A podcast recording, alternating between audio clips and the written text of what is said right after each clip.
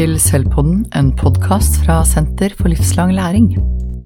Ja, velkommen til Selvpodden. I dag så har jeg med meg Karoline Svensli, og hun har ansvar for kompetanseutvikling i eh, matematikk og programmering i skoleutviklingsteamet i Asker kommune. Og sammen med Kaja Haaland så skal vi i dag se litt på å kunne regne som en grunnleggende ferdighet. Eh, og det å kunne regne som en, som en grunnleggende ferdighet, det innebærer bl.a. å kunne resonnere og bruke matematiske begreper, fremgangsmåter, fakta og verktøy for å løse problemer, og for å skrive og forklare og forutsette hva som skjer. Dette innebærer å gjenkjenne regning i ulike kontekster, stille spørsmål av matematisk karakter og velge holdbare metoder når problemene løses, være i stand til å gjennomføre dem og tolke gyldigheten og rekkevidden av resultatene. Ja, Karoline, hva, hva, tenker du om dette sitatet fra fagfornyelsen? Hvordan skal det forstås i en praksishverdag for lærere?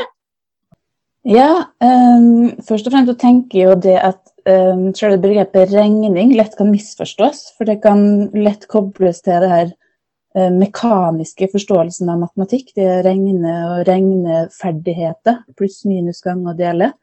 Jeg syns jo sitatet er veldig fint, fordi det viser til at det de mener med regning som grunnleggende ferdighet, handler mer om den her matematiske tankemåten og den matematiske tilnærmingsmåten til problem man får. Jeg, jeg, som ikke er mattelærer, da, jeg tenker jo at uh, når jeg hørte det sitatet, så ble jeg litt sånn svett og tenkte oi, oi, oi, hvordan skal jeg som lærer i KRLE f.eks. møte dette og innfri her? Uh, mm. Du vil jo også ha møtt uh, samme um, stressa og frustrerte lærere der ute, Karoline?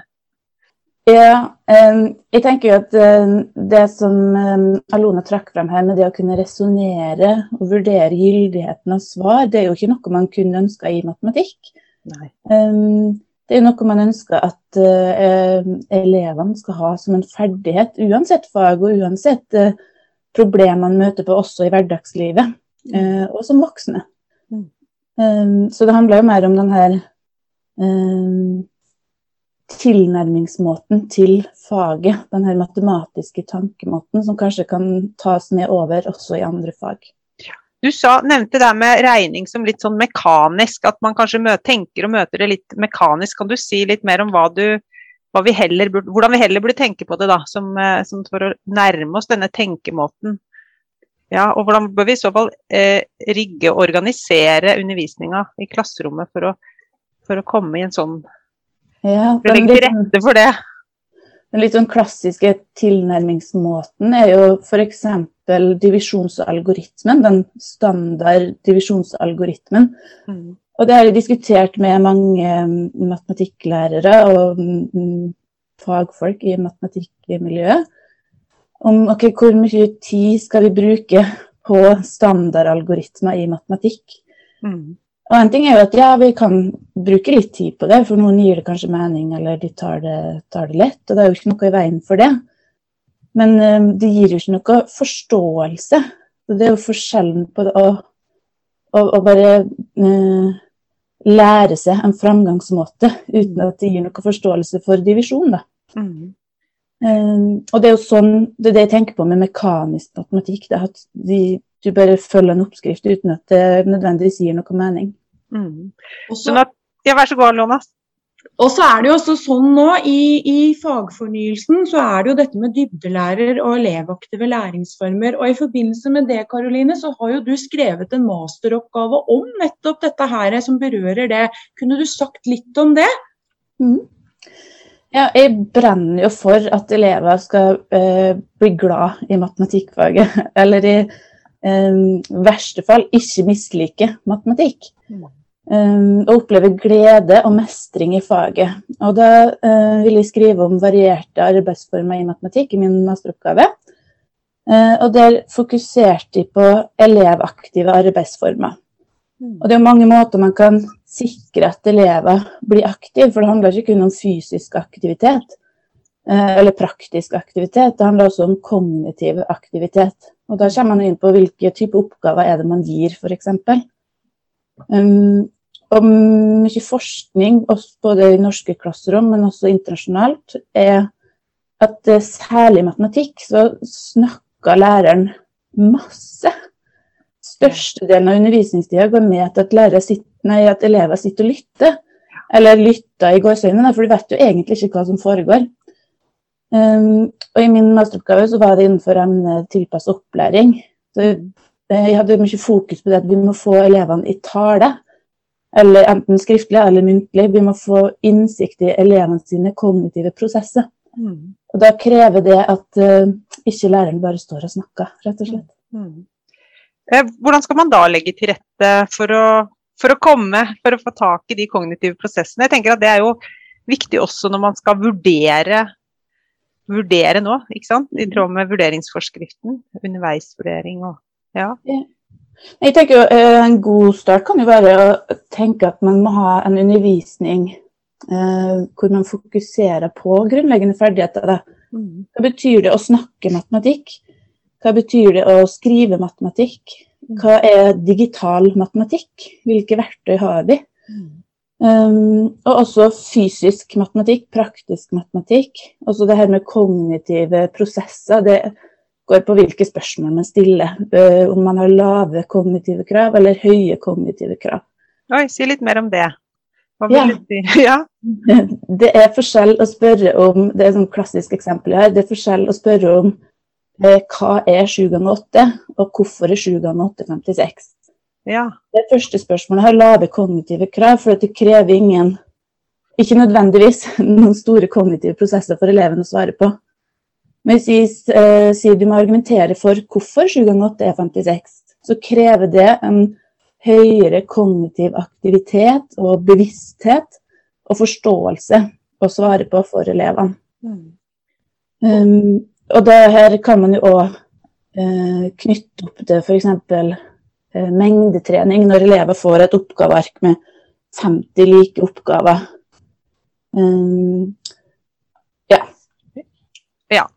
Det er ikke så veldig spennende sikkert som elev å få 50 like oppgaver. Men jeg tenker det er jo en del lærere som vil oppleve det som ganske utfordrende, nettopp fordi eh, denne her elevaktiviteten den, den utfordrer ro og orden, tilsynelatende. Men det er kanskje nødvendig da, for at vi skal få elevene i en sånn type Eller få utvikla og få, få bryna seg på den her kognitive Å være i kognitiv aktivitet. Ja, jeg mener jo at det er det er ikke riktig at jo lavere volum det er et klasserom, jo mer læring foregår. Nei, ikke sant. um, og det er ikke nødvendigvis tvert om heller. Men um, ja, av og til er det fint med arbeidsro. Av og til så ønsker vi at elevene snakker sammen, rett og slett. Mm, mm. Um, jeg har også hørt en del lærere som sier at de, eller som har, uh, hvor, hvor, det er litt sånn utfordrende for ledelsen. Fordi at lærerne vil ha bøkene, de vil ha læreverk. Um, for å ha noe å støtte seg til, og kanskje som et utgangspunkt for å planlegge egen undervisning. Uh, det kan jo være godt å ha det, men det kan vel også by på en del uh, Eller begrense litt. Grann. Jeg vet at du Karoline, har, har forsøkt, forsøkt å, å legge opp undervisning uten uten å følge et læreverk i matematikk. Ja. Ja. nå er det jo mange skoler som kanskje står i den situasjonen. Da. Mange lærere som står i den situasjonen at de ikke har tilgang på i hvert fall fysisk læreverk. Mm. Kanskje digitalt eh, læremiddel. Mm. Um, og så tenker jeg det, det, er fint, for av og til trenger man raske ressurser eller tilgang på noe uh, materiell. Mm. Men så tror jeg òg at det er fint å legge den litt fra seg. For en ting er jo at den boka er sikkert eh, kjempefin og flott, og det er jo en bevisst tanke om rekkefølge og eksempler som er brukt, og oppgaver som er trukket fram. Mm. Um, men den er jo ikke kvalitetssikra for dine elever. Det er jo lærerens profesjonelle uh, framgangsmåte. Liksom. Det er jo lærerens tilnærming mm. som må gjøre den vurderinga. Og så er det i en hektisk hverdag skjønner jeg at det er fristende å bare følge boka, rett og slett. Hvis man er skikkelig spenstig, så hopper man over ei side, kanskje. Ja. Um, mens jeg um, hadde matematikkfordypning på en ungdomsskole tidligere, så valgte jeg bevisst å ikke ha fysisk læreverk. Vi hadde tilgang på digitale læremidler, men eh, de var ikke brukt fast. Det var bevisst valgt når jeg brukte de ressursene. Mm. Og det var jo for å tvinge meg sjøl til å være det jeg kaller faglig kreativ. Mm. Og sørge for at ok, jeg legger opp til muntlige aktiviteter, jeg legger opp til digitale aktiviteter, fysiske aktiviteter, skriftlige aktiviteter osv. Mm. Uh, og det tenker jeg også når du nevner vurdering, Kaja, at mm. vi må også være litt sånn kreative når det kommer til vurdering. Mm. Vi må gå litt bort fra den mer skriftlige prøven, for den tester én type kompetanse eller kunnskap. Mm. Mens man får jo en helt annen innsikt i elevens kompetanse gjennom en samtale, f.eks. Mm. Og bare det du sier der med å ikke bruke læreboka, det metakommuniserer også til eleven det å tenke ut av boksen. For det man ønsker er jo nettopp at ikke regning skal være som du sier, sånt smal fag som bare er i boka, men at det er i verden. Så det du sier der er veldig spennende. Også med å tenke litt alternativ. Og så har du et, et prinsipp som heter LIST. Kunne du sagt litt om det? Ja, det er jo Matematikksenteret som har utvikla en eh, ressurs som mattelist.no. Eh, og vi i Asker kommune vi samarbeider tett med Matematikksenteret og jobber masse med listoppgaver. Og LIST det står jo for lav inngangsterskel, stor takhøyde. Så det handler om rike og åpne oppgaver. Og det her er da eh, problemløsningsoppgaver som krever noe helt annet av eleven enn um, de her klassiske, mekaniske um, og tradisjonelle matematikkoppgavene. Mm. Uh, og også voksne, uh, selv matematikklærere, kan synes de oppgavene her kan være litt utfordrende. Mm. Det er litt av poenget at um, uh, det er litt sånn mattenøtter, egentlig. At, der du faktisk må det som vi snakka om i stad med regning som grunnleggende ferdighet. Ja, du må vurdere underveis svaret ditt. Uh, du må tenke over hvordan du skal representere svaret ditt, hvordan du skal kommunisere svaret ditt. Du må kunne argumentere for at det er den riktige måten. Og En sånn eh, tilnærming gir jo elevene øvelse i å tenke matematisk. Mm. Ja, det tenker jeg. Også, men det må jo Det er jo jeg tenker flere ting her nå. for jeg tenker det, eh, det må være ganske motiverende for elevene å jobbe med matematikk på den måten, i større grad enn å fylle ut oppgaver i boka. I tillegg til at man da eh, øver opp den her mer sammensatte kompetansen for faget. Men det må jo kreve noe at man Jeg tenker man må jo Det å jobbe på den måten, det som arbeidsform, det er jo Må man vel kanskje trene litt på. Det er ikke noe man kan av seg sjøl. Ja, for det jeg tenkte når du sa det, at det må være mer motiverende for elever. For det jeg har hørt eh, fra mange lærere da, som har begynt å mm, undervise på den måten. Mm. Eh, der det er fokus på elevaktivitet og problemløsning og utforsking. Da. Det at mange elever det er helt stille i klasserommet, f.eks. Eller. Eh, elevene vet ikke hvordan de skal tilnærme seg det. Og det er rett og slett fordi det er uvant for dem. Eh, og sånn har jeg hatt med egne elever også. at det trengs tid å bli varm i trøya. Det trengs tid. Vi må øve på hvordan har vi matematiske samtaler. Og det handler vel om den takhøyden, kanskje? Mm. Ikke sant? At vi at aksepterer å romme, eller at det er lov å, å, ikke mestre helt, men vi er på vei mot noe, at alle svar er gode svar i en sånn setting. Mm. Og så lærer også å tørre å gi fra seg da, den her kontrollen i timen, for det er faktisk elevene som styrer mm. eh, hvor raskt det går fram. Og så må selvfølgelig læreren ta den her veiledende rollen og sørge for at vi når vårt faglige mål. Mm. Men det kan jo være litt ukomfortabelt for mange lærere å slippe kontrollen i klasserommet. Mm. Eh, men et godt, et godt eh, eksempel er jo hvis læreren sier vet du, det aner jeg ikke svaret på, men vi kan godt finne det ut sammen. Mm. Modellerer du jo rett og slett at det er ufarlig å ikke vite. Ja. Mm. Og det du sier der er jo kanskje noe av den utfordringen sånn generelt med både dybdelæring og elevaktive læringsformer, at læreren får en annen rolle i klasserommet som er kanskje uvant. Da. Som du sier, sier du veldig fint, det å tørre å slippe kontrollen, tørre å være også den som ikke vet. Og I den forbindelse så får, får, vi lyst til å spørre deg litt om dette med profesjonsfellesskapet som nå er kommet inn og er en viktig del. Hvordan kan profesjonsfellesskapet jobbe sammen på en skole da, for, å, for å støtte hverandre og styrke hverandre og ta denne nye rollen som lærer? Det er jo litt som vi var inne på i stad, med mm, å ha læreverk tilgjengelig. Det er ressurskrevende å lage egne opplegg, lage egne oppgaver. Mm. Det er hver eneste mattetime um, gjennom et helt skoleår. Og det å da dra nytte av kollegaer er jo kjempegull. Men jeg mener jo det å sitte sammen med andre som underviser i faget, det må jo ikke være matematikk, da, men for min del matematikk, mm. Eh, der man får gode problemstillinger, er avgjørende for skolen som helhet. For det er jo sånn at er, man, elevene går på samme skole. Uh, og det å snakke med hverandre, f.eks. Uh, så snakka jeg med skoleledelsen på en skole i går, og da var det snakk om elever som syns matematikk er vanskelig, eller som har lav motivasjon for faget. og hvordan de skulle sette inn tiltak for de her elevene. Da. Og det her er ikke elever som har krav på spesialundervisning. Og så sa jeg at det første egentlig man burde gjøre da, som fagkollege, matematikkfaglige kollega, det er å eh, diskutere Hvis skoleledelsen ber da seksjonen, matematikkseksjonen om å vurdere hva er den viktigste kompetansen våre elever skal sitte igjen med eh, når de går ut herfra for å mestre hverdagslivet som voksen. Mm. For det er det som er det overordna ansvaret vårt.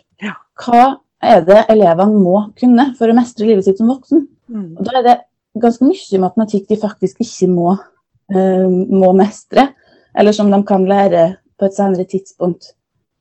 Eh, og Derfor jeg tenker det er så viktig at elevene må få en sånn matematikkfaglig glede. For man kan alltids lære om Pythagoras på et senere tidspunkt. Ja, og det, det hører jo så mange som sier det at eh, og all denne matta som jeg lærte på skolen, den har jeg aldri hatt bruk for. Eh, ikke sant? Og det, det, stemmer jo for så vidt, for du har jo ikke bruk for det. Men det du har bruk for, er jo det herre Eh, den en måte, måten å tenke matematisk på. Og en mm. annen ting jeg tenkte på i stad når du fortalte uh, om hvordan man skal snakke om matematikk sammen, og det med lav inngangsterskel og stor takhøyde, er at i et sånt klasserom så jobber man jo også med demokrati og medborgerskap som, tver, som liksom det tverrfaglige temaet. Mm. Gjennom de arbeidsmåtene man har. Mm. Og det trenger man jo når ja. man er voksen, og det er vel kanskje der man får til to, to, ting på en gang, i tillegg til dybdelæring, da. Ja, absolutt. Og så må jeg jo bare nevne at i denne nye læreplanen, og spesielt i matematikk, så syns jeg kjerneelementene er så gode. De verber, rett og slett. Mm. Og hvis man legger opp til undervisning som følger kjerneelementer, eh, det å resonnere, argumentere, kommunisere osv.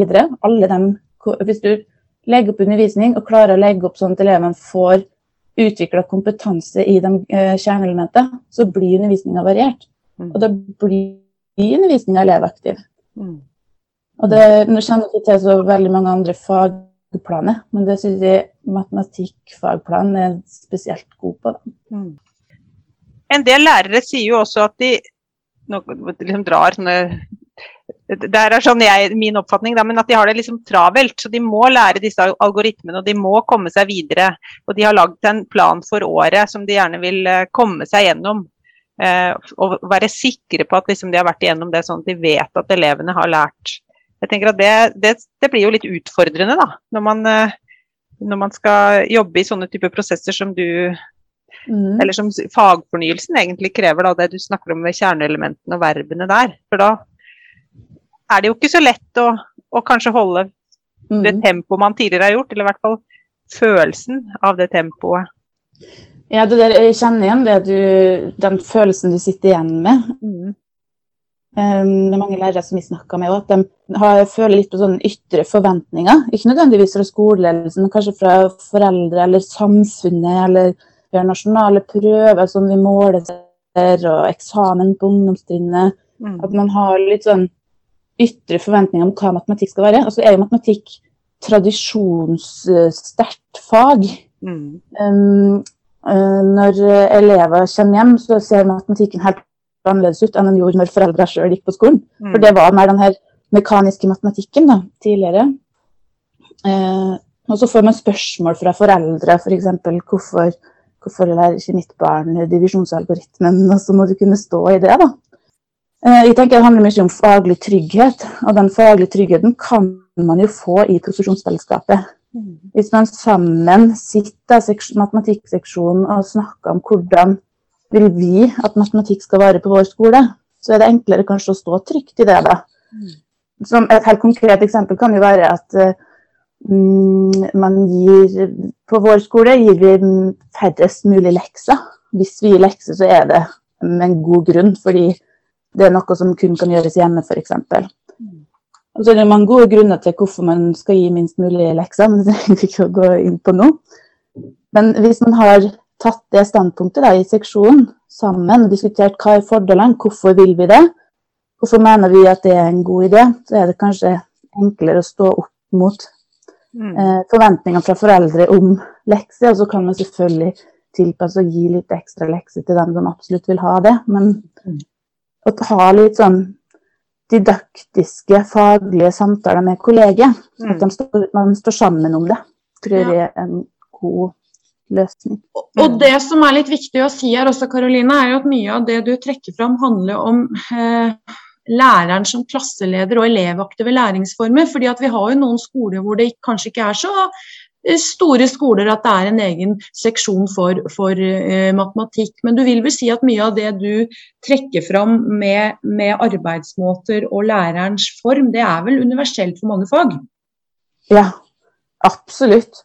Og når jeg sier at uh, jeg syns det er så viktig at elevene blir glad i matematikk, så tenker jeg at elevene må bli glad i å lære og utforske. Det er jo ikke nødvendigvis kun matematikk, men nå er jo matematikk uh, mitt fag. Og så er det litt sånn Jeg har jo også ansvar for programmering um, i Asker kommune. Og det, den måten å jobbe på, så snakka jeg mye om at det her er jo ikke bare sånn vi vil ha det i matematikk. Det er sånn man jobber når man programmerer, og den algoritmiske tenkeren som um, Udir har lagd en sånn fin oversikt over, mm. det står jo at den algoritmiske tenkeren den kan å holde ut. Um, den kan å lete etter mønstre. Og masse sånne ting. Og da, som Ris sa, at, uh, å resonnere, f.eks. Men det er jo ikke bare matematikk man ønsker at elevene skal resonnere. Det handler jo egentlig om en metodikk, en måte å jobbe på, en måte å lære på. Ja. Men er det mm. noen fallgruver da, ser du, forhold, eh, sånn, når du snakker om noe algoritmer og algoritmisk tenkemåte, og det at man liksom i mindre grad bør pugge en algoritme, da, sånn som man gjorde i, i mm. matematikkfaget tidligere? For det, Mange vil jo tenke at man må ha en, liksom en sånn viss base først. Et grunnlag, og så kan man begynne å reflektere på bakgrunn av det man har som en sånn type kunnskapsgrunnlag. Uh, ja, det er jo klart. Men um, det er jo en grunn til at det sjette kjerneelementet er matematiske kunnskapsområdet. Mm. Um, det handler rett og slett om man må ha noe kunnskap for å kunne tilegne seg kompetanse i faget. Mm. Uh, sånn som jeg leste det, i hvert fall. Men det handler jo litt om hvordan får man den kunnskapen. da. Uh, man kan få den kunnskapen gjennom elevaktivitet. Det må ikke være sånn at læreren i 30 minutter står på tavla og har en forelesning, og så sitter elevene i de siste 30 minutter og jobber én og én på et ark. Nei, så man kan fint tilegne seg kunnskap gjennom å jobbe med kompetansen. Mm. Kjempefint.